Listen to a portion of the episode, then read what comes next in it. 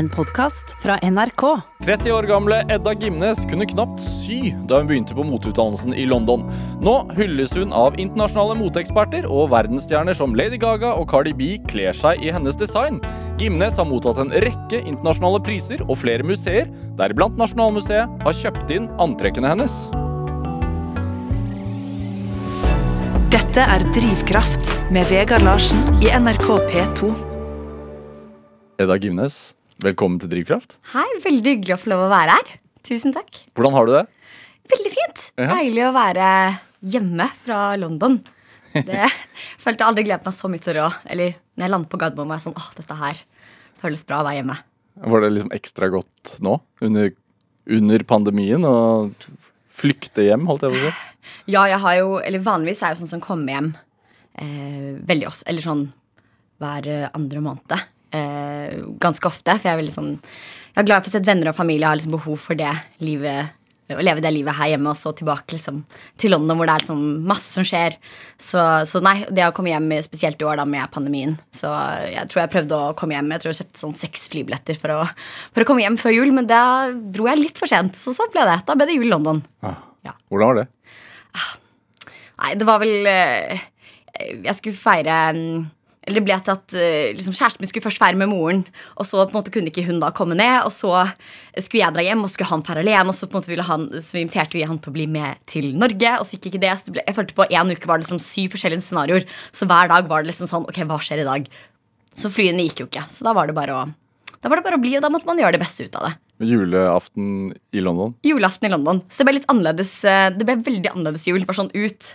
Eh, lille julaften og handling klokken ti på kvelden i sånn matvarebutikk. Og ja, Det ble litt sånn vasking på julaften og litt forskjellig. Men eh, det ble, det ble en hyggelig dag uansett. Hva lagde du? Herregud, Det var kjæresten min som lagde noe kjøtt og poteter og grønnsaker og saus, og det ble veldig bra. Ja. Ja, det gjorde det, altså. Bra. Eh, jeg sa i introen her at eh, Nasjonalmuseet har kjøpt inn antrekk fra deg. Hvordan funker det? Ja, hvordan det funker? Altså, Jeg ble kontaktet av eh, museet, eh, og så hadde jeg um, For de har klær i samlingen sin. Ja, de Som- kjøper inn til arkivene sine eller kollisjoner som da skal være på det nye eh, museet. Så det blir kjempespennende. Så jeg syns det var veldig veldig stas at de valgte å kjøpe inn eh, fra min kollisjon, for jeg ønsker jo å være i det skillet mellom mote og kunst. Så det at de, en så anerkjent institusjon som Nasjonalmuseet, har kjøpt inn, det er jo eh, Det syns jeg er veldig, veldig hyggelig. Vet du hva de har der fra før? Ja, De har masse forskjellige designere. De har kjøpt inn tror jeg, Admir Batlak og Anne Karin Torbjørnsen. og det, det er veldig morsomt at de fokuserer på unge eh, norske designere også. At det er en del av samlingen deres. Så det betyr mye. Hva, hva er det de kjøpte inn, da? De kjøpte inn faktisk det eh, Det første antrekket de kjøpte inn, var eh, et antrekk fra min Spring Summer 17-kolleksjon. Som var eh, med en sånn gigantisk hatt. Og eh, det var min andre kolleksjon som jeg lagde, med veldig sånn lekne streker, naivitet eh, og vibrancy. Og alt var svart-hvitt med detaljer av rosa. De kjøpte en stor hatt, håndveske, sko, en sånn gigantisk kjole. Eh, så det var veldig gøy. Og det andre antrekket de kjøpte, var det faktisk Lady Gaga gikk med. Så det var med stor eh, gul boa og en, gigant, ja, en gigantisk gul hatt. Og eh, ja, en sånn mesh-kåpe og høye sko, lange boots. Og, så det var veldig, veldig gøy. Hvordan skil... Altså, du beskriver det du, du beskriver det nå veldig kjapt. Det er sånn vanskelig å se ja. for seg. Er det, altså, det første antrekket det, fra 17-kolleksjonen Mm.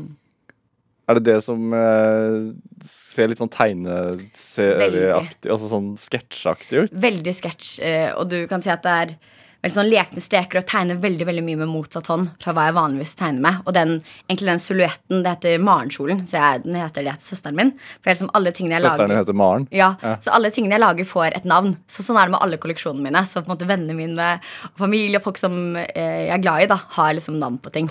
Så det er hyggelig at nå henger liksom Da får mine søstre liksom en plass der på Nasjonalmuseet. Det er hyggelig. Og det skal være med, altså i hvert fall en av de skal stilles ut når museet åpner. Det stemmer, og det andre er kjøpt for ja. arkivet deres. Så det vet jeg ikke når det blir stilt ut.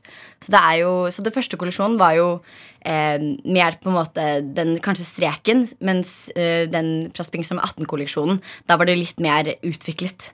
Så mye mer, kanskje mer fargerik. Ja. Så Hvordan For meg som ikke kan så veldig mye om Hva heter det? Hot couture? Hot couture. Ja. Hvordan skiller det seg ut? Hva gjør, det, hva gjør, gjør at det fortjener en plass på Nasjonalmuseet? Mm, Jeg håper jo at jeg er med på å skape liksom, eh, klær som er det skillet mellom mote og kunst. da Hva vil det si? Em, at jeg syns at et plagg kan være et kunstverk. Det er all den tiden som har gått med i det, all researchen, developmentet, altså sketching-staget. eh, Du jobber for Photoshop, du jobber for hånd. Det er en utrolig lang prosess. Alt fra ideene til liksom det ferdige produktet til foto som blir tatt. Det er liksom en hel historie, på en måte. Så det er, eh, ja, så det er jo Jeg vil jo kalle det et kunstverk. Ja. På lik linje med som f.eks. et eh, maleri. Det er for meg på en måte et maleri, bare på et lerret istedenfor enn å ha det på vegg. Prater den uh, Maren-kjolen? Eller hva var det? Ja, det heter morgenkjole. Ja. Ja. Eh, kommuniserer den med liksom tidligere eh, plagg? Altså sånn som i kunst, Hvis man tenker sånn kunsthistorie, så kommuniserer jo ofte kunst med eldre kunst. Altså, kan man se, altså Hvor kommer din inspirasjon til den fra? Altså den, eh, Akkurat den silhuetten, eh, den morgenkjolen, den kom vel egentlig frem fra eh, når jeg gikk på London Culture Fashion på siste året. Og så skulle jeg lage avgangskolleksjonen min. Og eh, jeg var veldig eh, dårlig til å sy. Og pattern cutting det var ikke min styrke. Jeg tror jeg var den eneste som startet på Women's Wear uten å kunne sy. Um, så, på sist, så egentlig gjennom de årene på London Culture Fashion så følte jeg at jeg på en måte aldri fikk frem mitt uttrykk. da Eller hva jeg egentlig sto for. Jeg var veldig, jeg følte det jeg eh, kanskje var flink på, var tekstiler og farger. Og liksom De mente at det var bare tull fordi jeg gikk Women's Wear. Det var veldig mye fokus på designdelen. Så det var egentlig ikke før liksom på siste året da måtte jeg eh, være igjen i påskeferien og jobbe, for jeg hang så etter. Og da var jeg lovet at det skulle være liksom, lærer på skolen, og så var det ikke noen der. Så da begynte jeg egentlig å tegne bare eh, masse silhuetter eh, ned bare på papir på gulvet. Jeg la liksom armen min ned og tegnet rundt den, så ble det en hanske. Og så tegnet jeg bare et stort eh, skjørt, og så tenkte jeg at en måte å få frem personligheten min på, fordi jeg ikke var så flink med sying, var gjennom digitalprinting. At det var liksom min måte å liksom få trykket det ned, og så ser man veldig mye, selv om kanskje ikke sømmene er det fineste.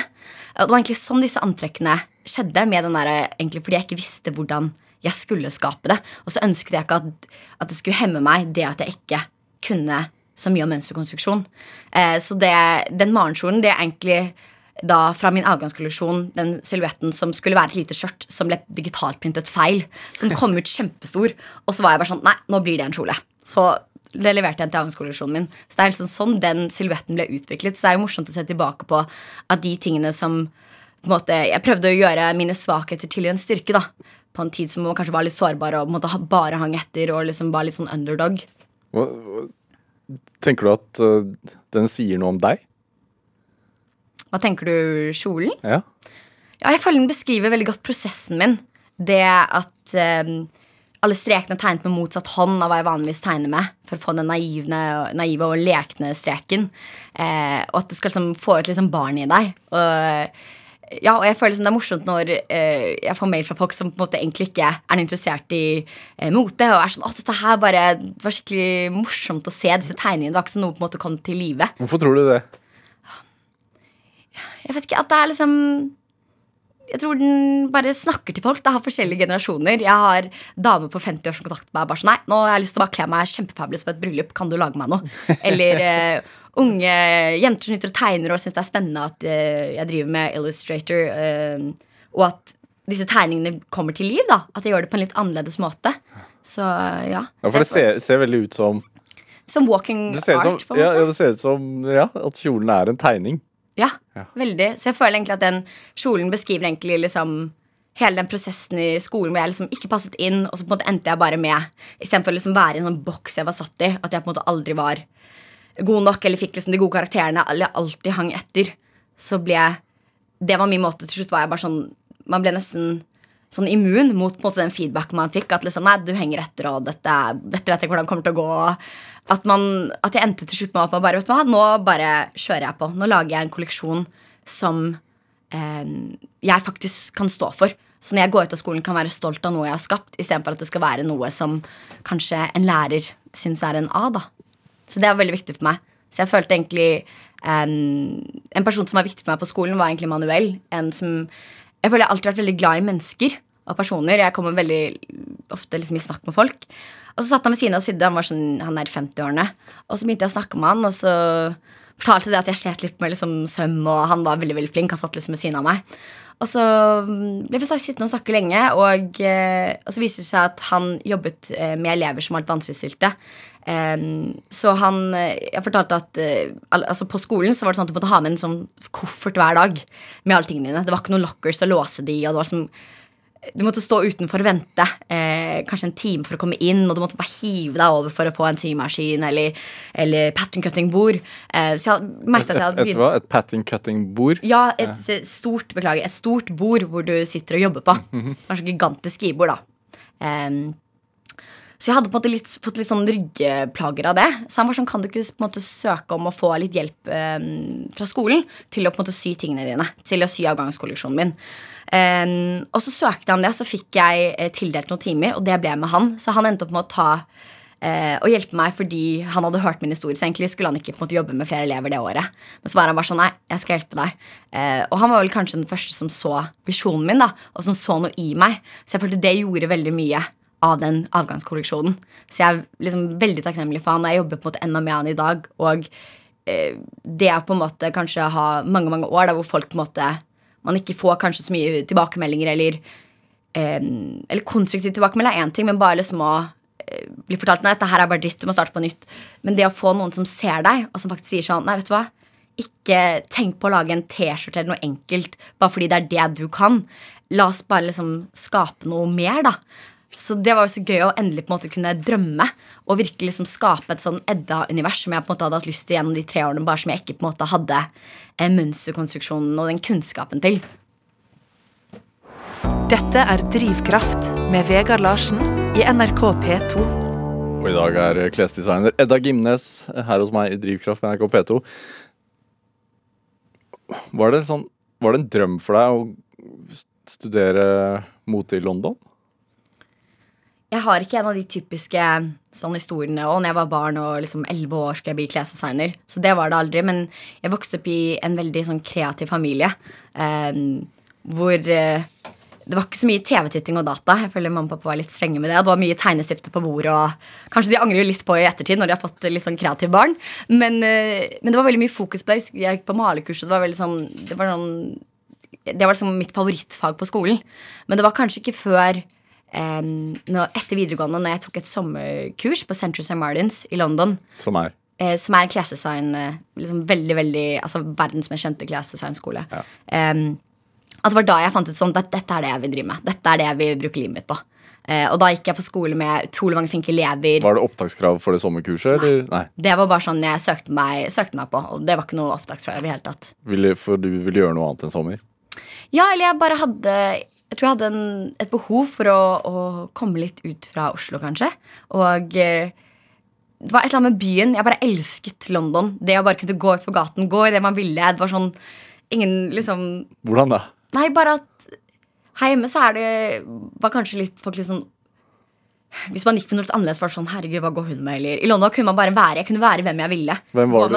Hvem var du i Oslo, da? Hva gikk du med da? Herregud, det Herregud, som gamle venninner hører på nå. Altså, det var ikke veldig kanskje spennende antrekk eh, når jeg var yngre. Men det var mer, jeg kledde meg veldig annerledes. Eh, masse farger og print og eh, forskjellige tekstiler. Og, men jeg følte Det var mer på en måte den personen jeg ville være. da Sånn Ny by, nye muligheter. Komme meg litt ut. Jeg elsker å reise. Eh, så jeg reiste liksom i Sørøst-Asia og liksom fikk masse inspirasjon der. Og det var når jeg kom hjem derfra, så eh, bestemte jeg meg for å, um, å gå på den sommerskolen på St. Martins. Det var nok det som gjorde at jeg innså at oh, dette er det jeg vil drive med. Og den byen, det er en sånn melting pot av så mange forskjellige kulturer og mennesker. og ja, det er bare, Jeg tror jeg føler på en sånn vibrancy i den byen at liksom alt er mulig. Man kan drømme stort og tørre å være modig. da. Mm. Og så kommer du inn på London College of Fashion, og det er, det er ikke så mange som kommer inn der. Jeg gikk på foundationer på London College of Fashion. eh, og da var jeg vel eh, Da var det Jeg var den eneste fra Europa. Og det, var het International um, course preparation eller noe for uh, Women's Wear. Og da ville egentlig alle på et foundation-året inn på klesdesign Women's Wear. Hva er et foundation-år? Det er et forår. Ja. For å komme inn. Så jeg følte det var nødvendig for at jeg skulle komme inn på eh, klesdesign. For jeg hadde jo på en måte ikke noe eh, sømmerfaring eller mønsterkonstruksjon eller noen ting. Og det var jo ikke det egentlig at det foundationet ble brukt på det heller. Men det var et fantastisk år hvor jeg hadde en helt utrolig lærer som het Sarah, som så meg for den jeg var, da, og så på en måte ideene mine og tankene mine og um, lot meg Jeg følte jeg blomstret veldig der. Men hva var det, altså, så, så Når du sier du ikke hadde noe sømmerfaring og, ikke, og egentlig ikke hadde noe drøm om dette her heller, sånn i utgangspunktet, hva var det som fikk deg gjennom nåløyet? Altså, når jeg etter jeg hadde gått på den sommerskolen, så var jo da jeg var sånn Dette, dette er det jeg vil drive med. Ja. Sånn, jeg føler jeg har alltid vært kreativ, men eh, etter det kurset følte jeg sånn Dette, dette, er, dette er det jeg vil. Eh, og da jobbet jeg kjempehardt eh, på hele foundationåret. Da var vi 110 elever, og tre av oss kom inn på Women's Wear. Eh, og mange, som, mange drømmer i samme sted. Og jeg husker jeg var på to intervjuer, og de ville putte meg i tekstil. Men for meg var det veldig viktig å få ikke bare produsere eller lage tekstilene, men være del av hele prosessen da, fra A til B. Og kunne liksom skape hele uttrykket var veldig viktig for meg. Så hadde jeg intervju nummer to, og da husker jeg hun Sharon, læreren, liksom brukte masse tid på meg før intervjuet og liksom preppet meg. Så, da, så jeg var veldig glad når jeg kom inn. Men jeg tror jeg ikke helt kanskje visste hva jeg gikk til. Hva gikk du til, da? Det var eh, ganske sånn hardt miljø. Eh, Hva, hva er et hardt miljø? eller jeg følte veldig mange som hadde samme drøm som deg. da Veldig mange som Fra gikk om de samme som kom tingene. fra Som veldig mange fra Asia, Ja. Korea, eh, og folk som eh, var veldig, veldig flinke. Og jeg tror jeg følte Jeg husker når jeg søkte på Women's Wear, så skulle man på en måte sette opp tre ting man eh, Førstevalg, andrevalg og tredjevalg. Og jeg husker jeg var bare sånn Women's Wear. Du, sånn, du kan jo ikke bare sette opp det. Det er veldig vanskelig å komme inn. Da må du sette opp kanskje skodesign eller menswear. Men jeg var sånn, nei, det, det er det eller ingenting, på en måte. Um, så jeg føler det som viktig det Ikke nødvendigvis kanskje alltid ha plan B, men bare jeg får tenke på plan B hvis ikke plan A går. Men hvorfor var det en så sterk eh, drivkraft for å komme inn der? Hva var det med det å lage kvinneklær som som gjorde at du følte at du måtte inn? Det var vel den drømmen, da. Om å, om å ska, den skapergleden jeg har til å kreere ting og eh, få uttrykke meg kunstnerisk. Og liksom få fram følelsene mine i liksom det jeg skaper. Og få fram følelser i folk når de ser tingene jeg skaper. Så måtte eh, så man kan si Jeg hadde ikke en drøm om å bli designer når jeg var barn, men den, når den drømmen kom, da var det 110% Så de årene når jeg gikk på eh, London Culture Fashion, det var eh, beinhardt og ekstremt mye jobbing. Hva, hva betyr det egentlig? Altså, Beskriv en sånn vanlig En vanlig arbeidsdag. Ja.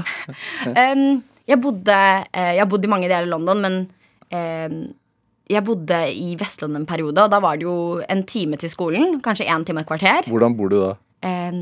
Det første Når jeg bodde på foundation-år, da bodde jeg i Kensington Gardens, faktisk. I en veldig eh, Et utrolig flott område. Kjempenærme Portobello Road.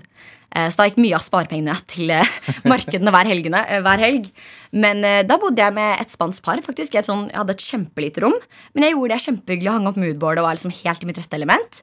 Eh, og så har jeg bodd i Brick Lane. Det ble litt for kunstnerisk for min del. Det var mye altfor mye som skjedde rundt. Og jeg endte rett og slett opp med å flytte tilbake til eh, Vest-London. Så da bodde jeg i Cancer Rise. Så, så jeg, jeg har heller foretrukket å være kanskje i vest fordi det er på en måte mer rolig og stille eh, enn f.eks. Øst-London. For min skole lå i Curtain Road.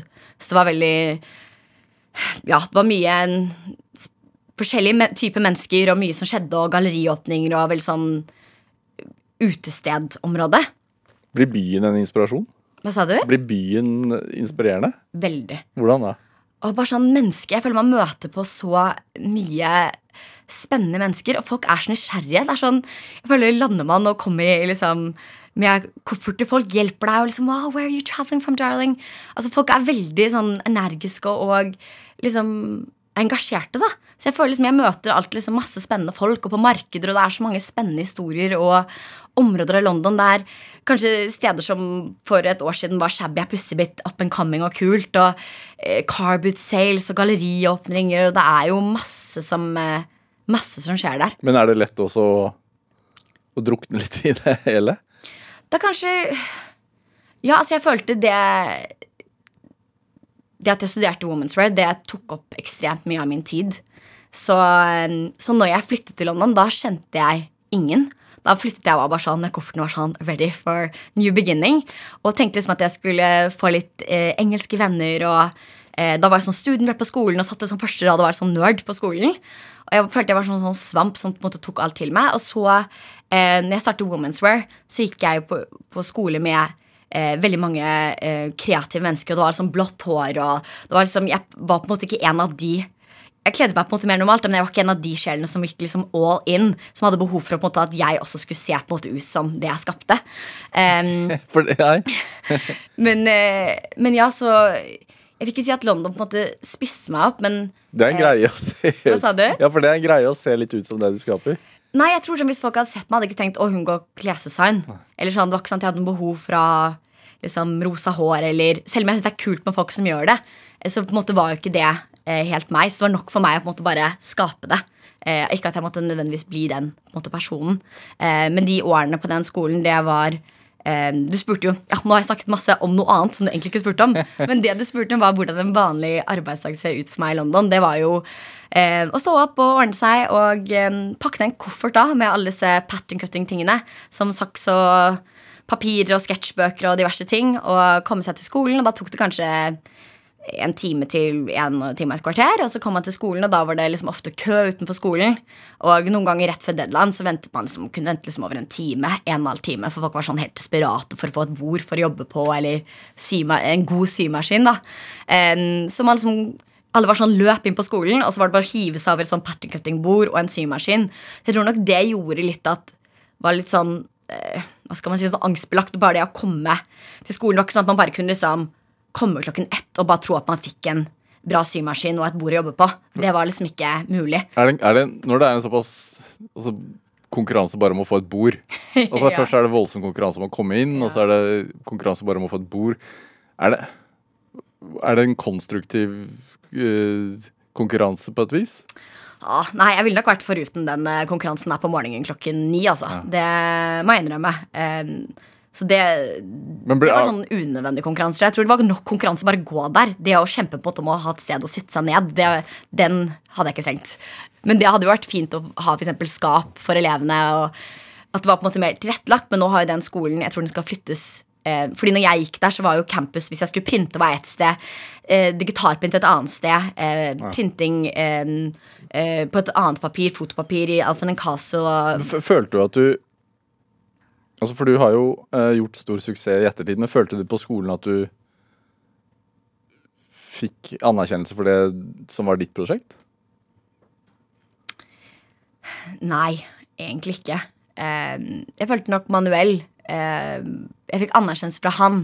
Eh, og jeg følte når jeg møtte han, så endret ting seg. Ja. Eh, Men før det, da? Jeg tror bare ingen helt forsto hva jeg drev med. Jeg husker jeg tok liksom, hadde med Jeg elsker eksempel brodering og strikking og sånne ting. Og eh, jeg hadde bestemt meg for å lage en sånn gigantisk eh, kjole som var som åtte paneler som var brodert. Hvor det var sånn flere uker med brodering. Og hun da, læreren min var bare sånn Jeg skjønner, jeg skjønner ikke hva du driver med. på en måte Sånn, Nei, dette her går på en måte ikke. Så jeg følte folk tenkte nok mer at det, det var for tekstilfokusert. Um, Mote skal være Eller det skal, at det skal være skal være sånn og sånn. Og Ja. jeg følte noen ganger at, at man, måtte, man måtte bare lage et jetpocket eller en lomme bare for å ha noe ekstra på, en måte, på plagget. da Men for meg var Jeg synes det var så spennende å se hvordan eh, surface design da, og tekstildesign kunne på en måte påvirke hele antrekket, selv om det på en måte kanskje var en fasong man hadde sett før. Men bare Altså, hvis du, du kan ha den fineste fasongen, men hvis på en måte fargen eller tekstilene på en måte ikke stemmer, så på en måte er det jo heller ikke kanskje et spennende plagg. da Så um, ja. Men hva, var det som gjorde at du, at du ikke mistet troen, da? Jeg følte egentlig gjennom hele studiet så hadde jeg den, eller den drømmen om å på en måte få til noe drømmen for å jobbe for meg selv. Jeg har jo hatt en eh, hatt, min intern, hatt eh, min internship hvor jeg har eh, jobbet beinhardt og sett hvordan det er å være helt eh, nederst. Eh, Hvordan er det? Nei, altså, jeg jobbet for eh, Jonathan Saunders da internerte jeg. Og jeg husker jeg kom første dagen med vesken og var sånn så klar til å komme i gang. Og de bare Nei, eh, nå er eh, alle å se på fashionshowet, men du kan gå på en måte handle på butikken eller handle toalettpapir omtrent. Så det blir jo litt sånn reality check, og så får man beskjed om å lage filer, og, eller man bruker flere timer på å lete etter eh, en sko som skal være i et studio, og så glem, har, har noen glemt å fortelle at de har funnet skoen, på en måte eller man blir sendt ut til eh, et warehouse for å finne matchende sko, eller bruke liksom åtte timer på det. Altså, det er veldig, Det er veldig tydelig hierarki, så man begynner veldig, på bunnen. Veldig. Og det Hvorfor er det sånn? Jeg tror nok det hierarkiet har vært ganske lenge. Eh, så sikkert de som på en måte jobbet der da, har sikkert følt sånn Jeg har vært i din posisjon, og du skal føle litt på det. Sånn, men kanskje det, det ga meg gjorde meg på en måte sulten. da det var, Jeg var sånn Jeg har lyst til å måte jobbe meg litt oppover. Eh, og egentlig fra jeg på en måte startet å studere, så på en måte hadde jeg jo hele tiden den drømmen. Eh, jeg lagde jo de visuelle moodboardene mine og liksom hadde en misjon om hva jeg på en måte ville skape. Så selv på en måte helt i starten hvor jeg på en måte ikke hadde midler eller noe på en måte til å gjøre det, så føler jeg at jeg fikk mye ut av Eller ja, det var beintøff jobbing med på en måte det jeg hadde, da. Så jeg, jeg følte som jeg alltid har hatt en veldig sterk visjon. Eh, og egentlig sånn på siste året mitt så begynte jeg å lese eh, Mentaltrening, eller Bli best, med Erik Bertrand. Og det var en sånn bok som fikk litt sånn piff i meg. Altså. Jeg ble sånn, Noen ganger kan, kan man sette seg i posisjon Eller de ordene man på en måte bruker om seg selv, da, det blir på en måte også hvordan du er. Eh, og de følelsene du har, alt på en måte blir der. Så det er så viktig at det mentale og tankene du har, og visjonen du har på en måte, Det er mye lettere for universet å hjelpe deg på vei hvis du på en måte vet hvor du vil hen. Når var det du leste dette her, da? Eh, Det var på siste året mitt. Så da følte jeg når folk kanskje Treng, var det fordi at du trengte Ja, jeg følte Det var jo et punkt hvor jeg var sånn Nå vet jeg ikke om jeg på en måte orker mer. Det å komme på skolen og på en måte ha sånn vondt i magen og grue seg til de møtene hvor man skulle få feedback og Hvorfor hadde du vondt i magen? Det å på en måte føle at man hele tiden henger etter, da. Og man bare, alt man vil, er egentlig at noen bare skal på en måte godkjenne det man gjør. Eller bare sånn, dette, er dritbra, det du driver med nå. Men det på en måte kom aldri. Så jeg tror egentlig på slutten så ble jeg nesten sånn immun. Hvor det var sånn, hvor læreren min var sånn Dette er på en måte ikke mote. Så var jeg sånn Jeg hører hva du sier. Og jeg var bare sånn Tusen takk for feedback. Og så på en måte var jeg bare sånn Nå er målet på en måte å bestå. Og skape noe som jeg er fornøyd med. Eh, så på en måte Og så blir det litt sånn på skolen også, kanskje, fordi folk visste at jeg alltid var den som hang etter. Alltid den som eh, kanskje slet litt. da Så var det sånn 'Å, hvordan går det med deg?' Og så var det sånn 'Nei, nei det går bra. Det går sakte, men sikkert fremover'. Og istedenfor eh, Når jeg leste den eh, boken med Erik Bertan, så var det mer sånn Altså Snu rundt på hva de forventer å høre, da. Så istedenfor det var sånn 'Vet du hva, det går bra', så er det sånn Ok, ok, veldig bra. Og da blir du på en måte tvunget til at tankesettet skal på en måte endre seg litt. da Men føler du at du gikk mot strømmen allerede på skolen? Veldig. Og, ja. Eller jeg føler eh, Altså, i Norge er man kanskje Altså, Hvordan man lærer i Norge, er mer sånn dette er en fin tegning, men du kan gjøre den bedre. Litt den der. Mens i London er det litt mer cutthroat. Og, eh, og det var jo det som var viktig for meg når jeg skulle inn på Women's Wear. Var det sånn, jeg vil, jeg vil søke meg inn på en skole hvor det er vanskelig å komme inn. Så hvis jeg har noe å gjøre i den bransjen, så vil jeg vite det nå. Ikke om liksom ti år. Så det var veldig viktig for meg liksom, at det skulle være en prosess. Da, at noen er sånn, vet du hva, du har noe her å gjøre. Eller, og det følte jeg Ja, jeg kom inn på skolen, men jeg følte ikke jeg fikk den um, jeg fikk ikke den godkjennelsen på en måte gjennom den skoletiden før på en måte siste året mitt. Så jeg tror nok det gjorde meg veldig um, Det å alltid være den som henger etter, eller alltid på en måte um, Ja, litt sånn på en måte ikke mestret ting, da. Det gjorde også at jeg jobbet drithardt. Jeg så jo folk på skolen som var fra Asia, som Altså, De hadde så mye talent og kunne bare skape hva som helst. Men kunne eksempel levere noe dagen før, bare sette sammen noe raske greier på mannekengen. tenkte jeg bare, Tenk hvis jeg kunne gjort det, den personen. Ja, For du sleit med å sy en skjorte? Ja, eller jeg syntes det var vanskelig. Ja. Ehm, og første dagen på skolen var det sånn Nå skal vi sy en hvit skjorte. Jeg var sånn, herregud Og folk var sånn, dette er jo så kjedelig, og kan vi ikke sy på en måte noe mer detaljert? Og dette har vi gjort før, og alle kunne sånn sy dongerijakker. Og jeg merket liksom fra første stund så hang jeg etter. Ehm, men jeg på en måte tror at det også gjorde at jeg jobbet drithardt for å bare holde liksom følge hele tiden. Så det var jo som folk som var super De som var mest kanskje talentfulle på skolen, da. De ville det kanskje ikke nok. Fordi på måte de hadde, de hadde så mye talent og var så flinke. Men, men likevel kunne de på en måte bare la tali- talentet sitt kanskje gå litt sånn til waste. da Hvor jeg så over på bordet og var sånn Herregud, fantastisk det du har kreert. på en måte Og de liksom, For det var de, de var bare sånn, ja ja. De kunne som lage hva som helst. Så da tror jeg at det gjorde også at jeg øh, jobbet mye hardere. Så det var ikke mye Føler jeg hadde veldig reale venner som ikke var en del av det moteuniverset. så det tror jeg var veldig viktig for meg at jeg prøvde å skille det litt. Jeg tror ikke jeg hadde like behov eh, for å være på en måte i det miljøet hele tiden. Fordi når man kom hjem fra skolen, og eller det var fredag kveld eller lørdag kveld, når man var ferdig med å jobbe med sketsjbøker, og sånne ting, så hadde jeg behov for å bare være med noen andre som snakket om noe helt annet. Som liksom- ikke lurte på hvor mye du hadde igjen på skjorten, eller hvor mange sider du hadde gjort i portefolien, og alle som bare «Å, Herregud, hvor mye er det igjen? For å ikke bli spist opp, rett og slett. Ja, litt. Og jeg tror liksom siste år så bygde jeg på en måte litt sånn boble rundt meg selv. For jeg var sånn, jeg har en så klar visjon om hvor jeg vil hen, hva jeg vil gjøre. Og jeg husker liksom Jeg er jo alltid sånn som har laget masse visuelle moodboards, og eh, jeg fant en eh, gammel eh, lapp fra når jeg jobbet sånn på Ica da jeg var ung. Og da var det sånn Jeg kunne kryssa så mange av ting på den listen. Hva, hva sto det på den lappen? Det var sånn Kle opp Lady Gaga. Um, Som var sånn drømmescenario? ja, så det var sånn masse ting som jeg hadde drømt om, da. Ja. Um, ja, så det føler jeg jeg har hatt Mens du sånne- jobba i, i kassa på Ica? Eller Nei, jeg jobbet i kassa på Ica. Ja. Så da, drømmene, drømmene var der hele tiden. Så da handler jo det om å ha liksom en visjon og um, Ja, og hele tiden jobbe mot det, da. Så jeg føler jeg har hatt noen aha-opplevelser hvor jeg har liksom sittet og tenkt på noe, eller å, jeg har lyst til å gjøre det prosjektet, og så plutselig bare Hvorfor, får man en e-mail noen måneder sen- senere, så er man sånn Herregud, der var den. Fikk man liksom den fra universet. hvordan får man det? Får man bare en e-post fra Lady Gaga og spør sånn Kan jeg, kan jeg bruke klærne dine? Hvordan funker det? Jeg ble kontaktet egentlig på Rett etter jeg gikk ut av eh, eh, skolen. Så egentlig, egentlig før jeg gikk ut av skolen, så jeg, ble jeg inkludert i en artikkel i New York Times. Som en av ti designerspirere følger med på. Som de trodde på? Ja, Og da var jeg bare sånn Hvordan har dette skjedd? Altså sånn Fordi lærerne på skolen hadde ikke troa på deg. eh, Det var art-directoren på skolen som het Rob. Han, han følte jeg så hva jeg drev med. Ja. Så de hadde sånn presseshow på skolen som på en måte alle ville være del av. Um, og det var jeg del av. Jeg tror jeg var den siste som ble tatt ut av dette presseshowet. Rett før. Og da husker jeg var så skuffet. Da tror jeg liksom læreren min var sånn Hun kan ikke være i dette presseshowet. Sånn, dette Da kanskje stryker hun. Altså sånn Om du fokuserer på, en måte det, du, det som er riktig å fokusere på.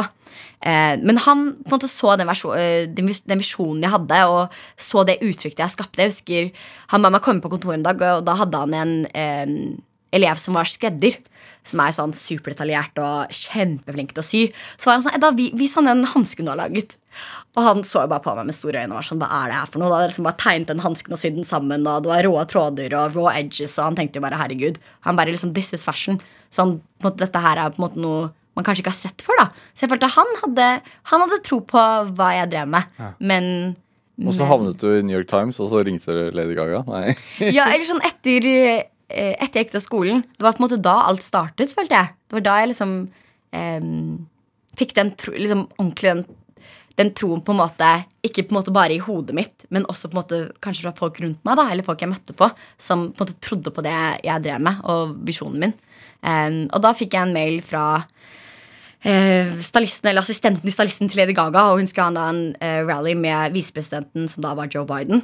Eh, og da var det Kan du sende over disse, disse, disse antrekkene? Så da eh, var jeg Hvor hadde du hadde sett det i New York Times? Eller hvor, hadde- hvor, Jeg aner ikke hvor de har sett det, men jeg føler For de så ønsker de på en måte Lady Gaga, Lady Gaga kan jo gå i hva hun vil av alle store, kjente merker.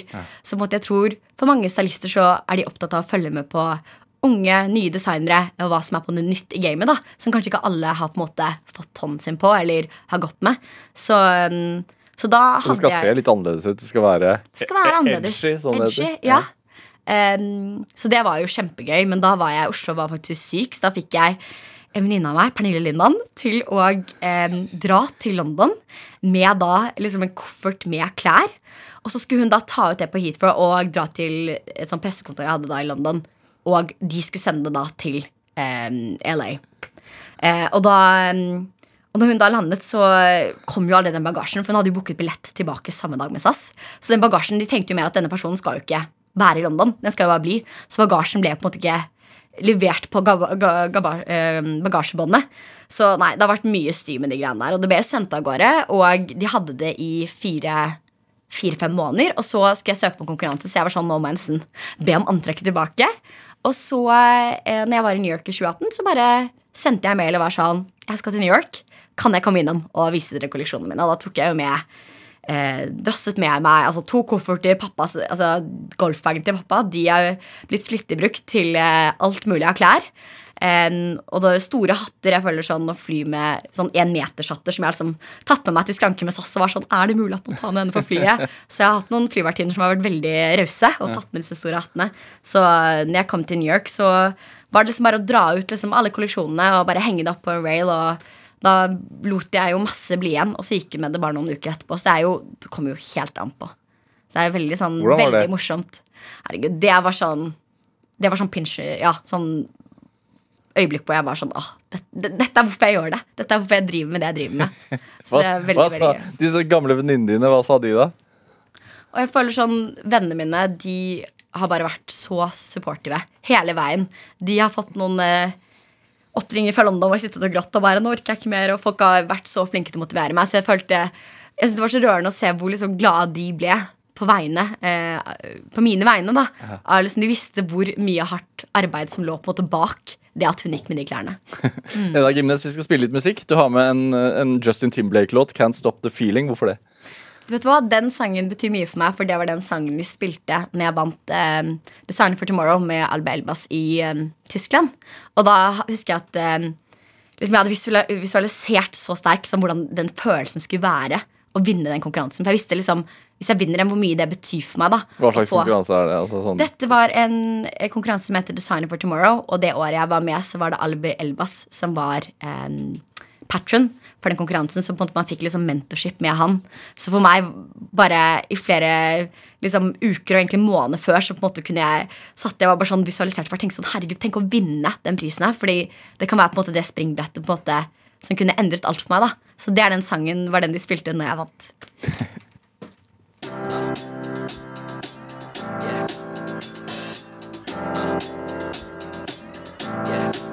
I got this feeling inside my bones.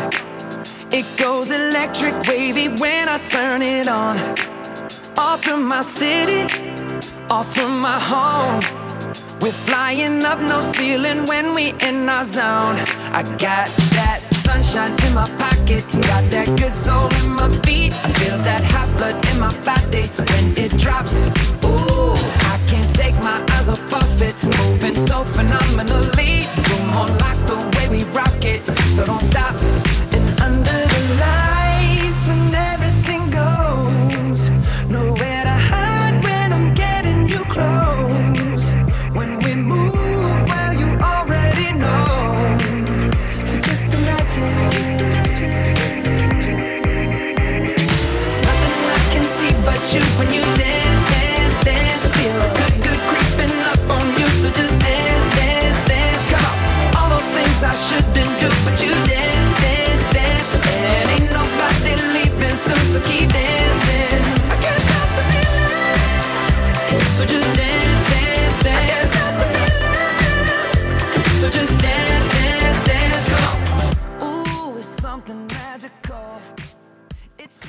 Fikk en smakebit fra Justin Timblakes 'Can't Stop This Feeling' her i Drivkraft på NRK P2.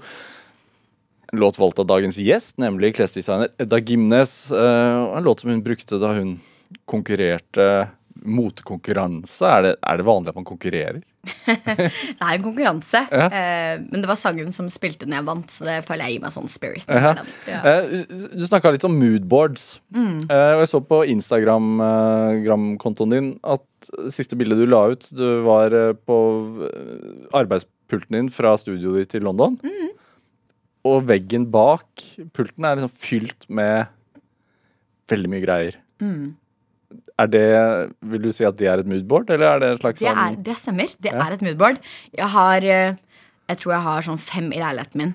Så det er kanskje moodboard jeg har for meg på pulten. Det er vel et moodboard på en måte av ting jeg opplevde, eller visjoner jeg har, eller drømmer jeg har. Og hilser at- til deg og Hva sa du? Hilsener til deg og Ja, eller bare ting som inspirerer meg. Da, eller liksom alt som henger der, får meg til å eh, gi meg en følelse. Og det er kanskje det som er viktig, at man omgir seg med ting som gir deg en eller annen energi. Eller sånn, ja, Så det er veldig viktig. Så moodboards eh, det driver jeg med hele tiden. Og så henger det bilde der liksom nesten midt i av en litt eldre dame. Det er mormoren min, Gudrun. Ja, hun eh, Jeg vokste opp med Eller hun bodde hos oss i tolv år.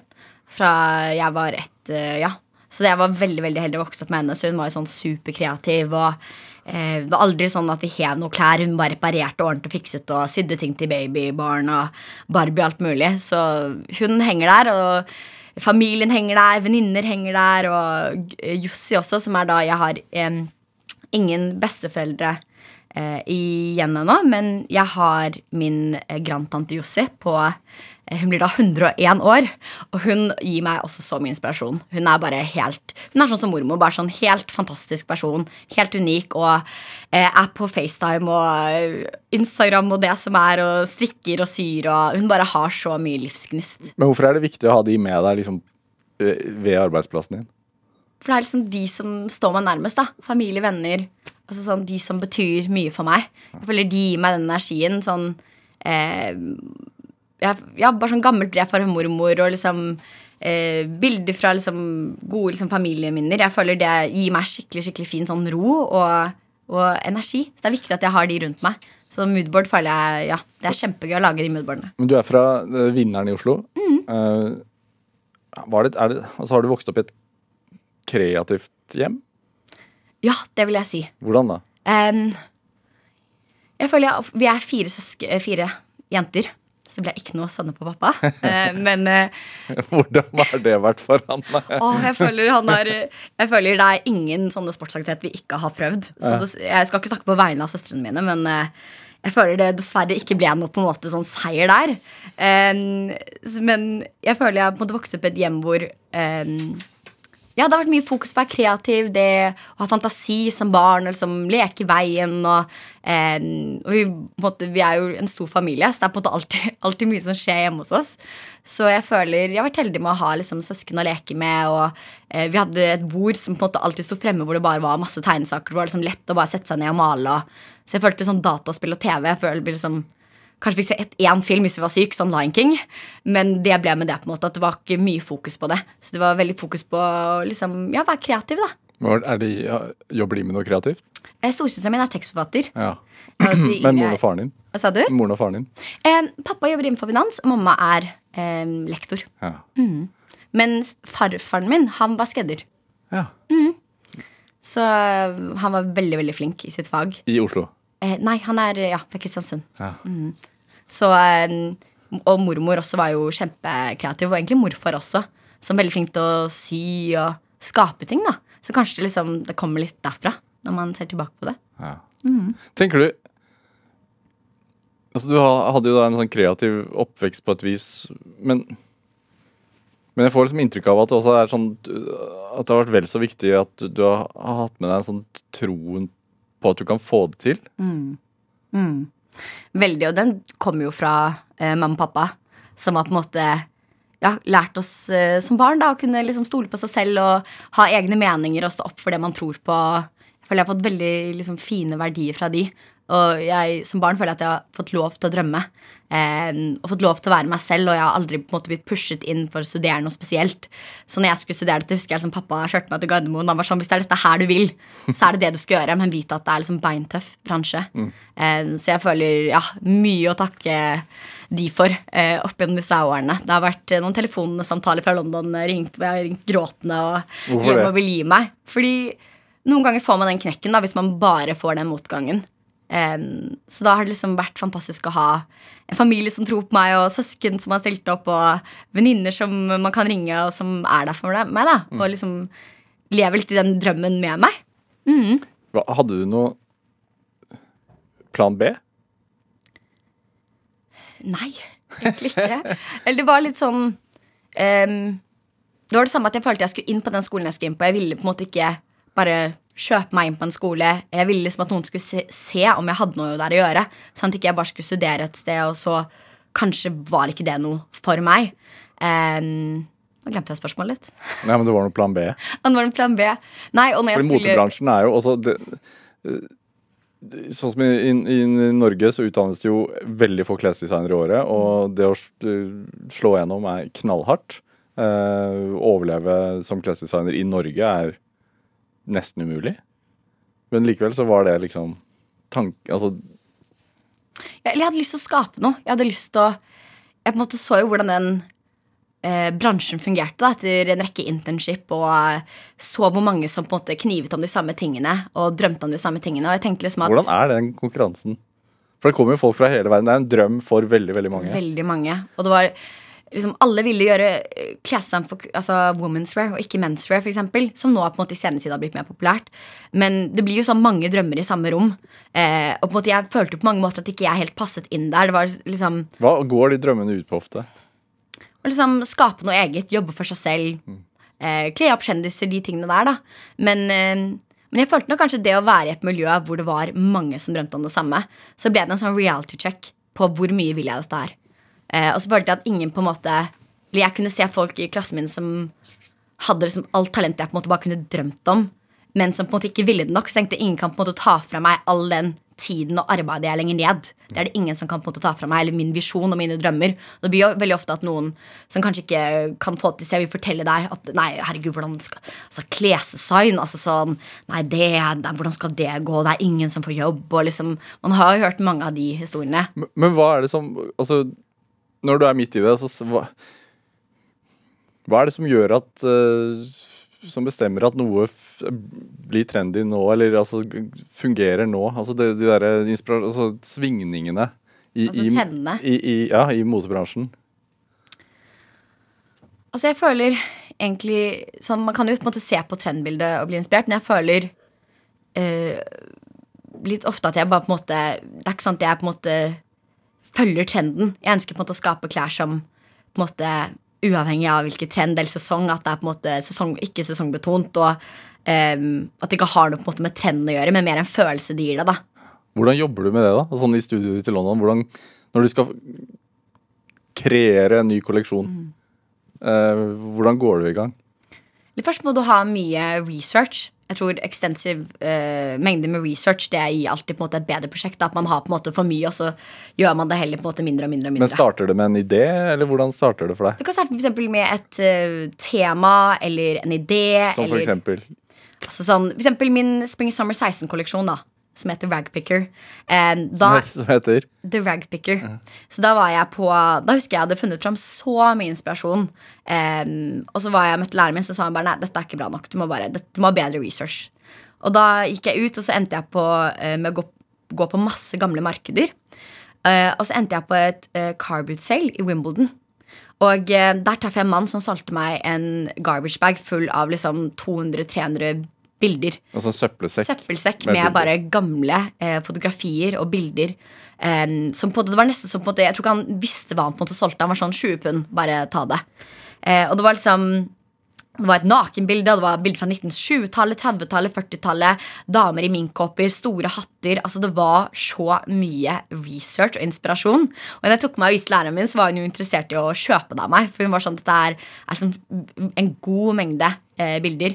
Og det var så spennende å på en måte bla gjennom liksom, det gamle Hun album. læreren, læreren din høres kjip ut. Unnskyld at jeg sier det. Nei, nei, nei, nei. Hun, var, hun var veldig flink, men jeg tror bare ikke jeg helt Jeg tror ikke hun helt forsto seg på meg. Nei. Og jeg forsto meg kanskje ikke Jeg fungerte ikke helt på de læremetodene hun hadde. Men eh, Og da ble jeg på en måte det inspirasjonen min eh, for denne Spring Summer 16-kolleksjonen. Så da på en måte ta, begynner man å ta på en måte ting ut fra bildene. Og det var jo et gammelt eh, Veldig mange bilder var fra samme familie. En familie som het Anne E. Stubbs. Og det var jo så trist på en måte å se hvordan alle disse fantastiske minnene og svart-hvitt-fotografiene var på en måte gone to waste. At det var ingen som på en måte Det var så trist å tenke på at det bare lå i en søppelsekk på et marked. At den ikke var på en måte etterlatt med en familie. Så jeg ønsket på en måte å ta disse eh, Og liksom bringe de til live igjen da gjennom kolleksjonen min. Så det var liksom sånn den kollisjonen ble skapt med at alt var svart-hvitt. For jeg er egentlig en kjempefargeperson, så at egentlig den avgangskollisjonen min var svart-hvitt, var jo liksom, ja, av researchen. Men så det, var, det er et eksempel på research da hvor jeg hadde helt syk, altså jeg hadde så mye bilder og fotografier, og den er jeg sikker på at jeg kunne laget en ny kolleksjon ut av ennå. Så ja. Blir du så Under pandemien nå, når man må, alle gå med munnbind og man holder avstand og man jo ikke får reise så mye som du er glad i Hvordan inspirerer det deg?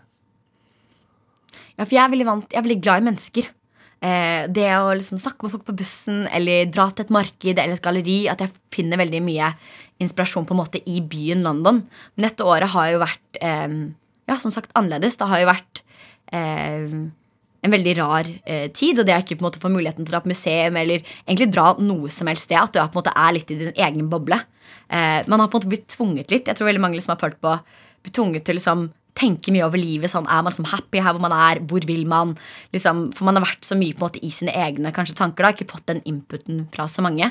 Men, eh, men ja, det kan være liksom en bok man leser, eller eh, altså Det er jo mange museer som har åpnet opp at du kan se på museene på nett. Og, eh, men det har, jeg har vært et liksom fint år på en rar måte. Er du kreativ nå, da? Ja, jeg føler jeg jobber jo med mine prosjekter nå, så det er veldig spennende med det som skjer i det nye året. Så det har jo vært en Jeg tror nok egentlig motebransjen trengte nok en pause. Eh, og egentlig Hvorfor det, tror du? Eller jeg tror i hvert fall som liksom, ung designer da, så har det vært Det er jo et hardt kjør å hele tiden produsere nye kolleksjoner, og det skal eh, Er det sånn forventning om det? Altså Det må komme igjen til våren, det må komme igjen til høsten. Ja, og det å på en måte hele tiden skape noe nytt og spennende, og at man kanskje ikke får tid nok. At tiden på en måte er for knapp da, til det man kanskje vil skape. At man føler etter man har skapt noe, at man, «Å, det kunne, på en måte, jeg kunne pushet dette enda lenger. Det kunne blitt enda bedre. Um, så det egentlig før pandemien så hadde jeg en litt sånn tanke om at jeg på en måte skulle Noen ganger tenkte jeg å, jeg skulle ønske jeg bare kunne trykke pause nå. Pause nå uten at noe endret seg rundt meg, men at jeg bare kunne liksom være i mitt liksom element, i min lille boble, og bare bruke mer tid på research, eh, jobbe mer med forskjellige teknikker, med brodering, altså alle de forskjellige tingene. Så ja. Så det er, det, det er det du driver med nå? Ja, jeg føler jeg på en måte jobber med eh, spennende prosjekter som skal skje ja, i tiden fremover. Som jeg egentlig ikke kan gå så mye inn på. men, eh, men ja, jeg føler det har vært en fin tid til å gjøre mye mye research og planlegge og på en måte bygge visjoner, tegne, skape ideer. Men er det også en Når alt stopper opp på et vis Når det ikke er noen moteuker og det er, alt det der stopper opp helt, er det også en fare for å bli liksom, glemt? Jeg tror man Det spørs liksom Hvis på en måte jeg var i en pandemi alene, eh, så på en måte Ja, da er det kanskje litt sjanse for å bli glemt, men jeg føler på en måte veldig mange har jo Altså, hele verden har jo gått gjennom det samme. Så det er ikke sånn at på en måte alt er bare føket forbi. Men tror du man kommer til å se på mote på en annen måte etterpå? Jeg tror det har blitt mye mer fokus på sustainability og eh, fokus på at folk vet Altså hvor klærne, bærekraft ja, og- bærekraft og hvor klærne blir produsert, hvordan de blir produsert.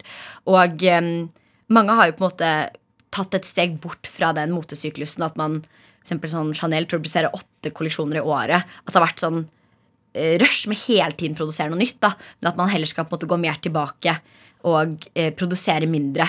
Og, og heller på en måte bruke mer tid på kolleksjonene. Så det har jeg egentlig syntes vært veldig fint. Å heller kanskje kunne slippe kolleksjoner når på en måte man føler man er klar for det, istedenfor kanskje å måtte følge den motesyklusen hele tiden. Så, man, så man virkelig kan på en måte gå inn i en kolleksjon og gi det liksom en full attention. Tenker du, altså Det er, sånn, mye snakk om i motebransjen at at man har et ansvar, for det er en enorm industri. Eh, hva, hva tenker du om det? Blir det liksom litt utenfor det du holder på med, eller hva? Altså, jeg skaper jo en plagg som jeg ønsker at skal være i garderoben din eh, for alltid. Litt sånn gammelt som du finner hos bestemoren din. Så er det sånn, åh, en Edda-kjole. Har du noen sånne kjoler? Eh, ja, jeg føler Jeg elsker jo gamle klær og vintageplagg, så jeg føler plagg som forteller en historie. Eller at ting har for god kvalitet. Og det er ikke sånn at jeg eh, produserer opp masse uten på en måte at det skal være et salg. Altså Jeg produserer jo kun opp det jeg selger. Og eh, Men tar du ikke, er det ikke sånn at du Jeg har hørt at du eh, for hvert antrekk så tar du vare på et eget eksemplar. ja. Så du har dobbelt opp av alt. Jeg tror jeg har sånn åtte kolleksjoner eh, i studio nå. Det begynner, å, det begynner å fylle seg opp. Ja. Det gjør det. Men jeg føler Altså, den Noe burde jeg på en måte kanskje Ja. Eh, selge. Hvorfor det? Sånne press pieces. Men det, er jo, det blir jo et sånn arkiv. Da, et eget arkiv av alt man har. måte Hva koster en kjole av deg? Eh, Det kommer helt an på. Men det kan være alt fra 10 til kanskje 25 eller 30. Ja. Så det spørs litt på designet. Um, men ja, hvis ja, det begynner å ta opp mye plass i leiligheten. Så, eh, og så merker jeg at jeg har så Med de første kolleksjonene mine så føles det litt sånn som en sånn baby. Jeg føler ikke jeg kan gi helt slipp på det. Den Spring Summer 16-kolleksjonen eller 17. Jeg føler som det er liksom der alt startet. Og så er det morsomt å se tilbake eh, det er morsomt, eller Når man har alt foran seg, så, så er det så morsomt å se på den veien jeg på en måte har gått. For da ser man at det starter med svart-hvitt, og så på en måte har den streken utviklet seg, og så har den på en måte endret til farger, og den har endret teknikker, og det har gått kanskje til maling. At er, man på en måte hele tiden ser den røde tråden gjennom ting. da men, eh, men ja, det begynner, å, det begynner å fylle seg opp. Er, jeg må ha et lager når jeg kommer tilbake til London, da, hvor jeg kan store ting. Ja. Er det altså, Du sa jo at det man drømmer om når man går på en sånn skole, er jo å få lage sin egen kolleksjon, og at, at kjendiser bruker klærne. Og at man blir omtalt i medier. Og alt dette har jo skjedd med deg. Du har blitt kjøpt inn av museer også. Både her og i Hamburg.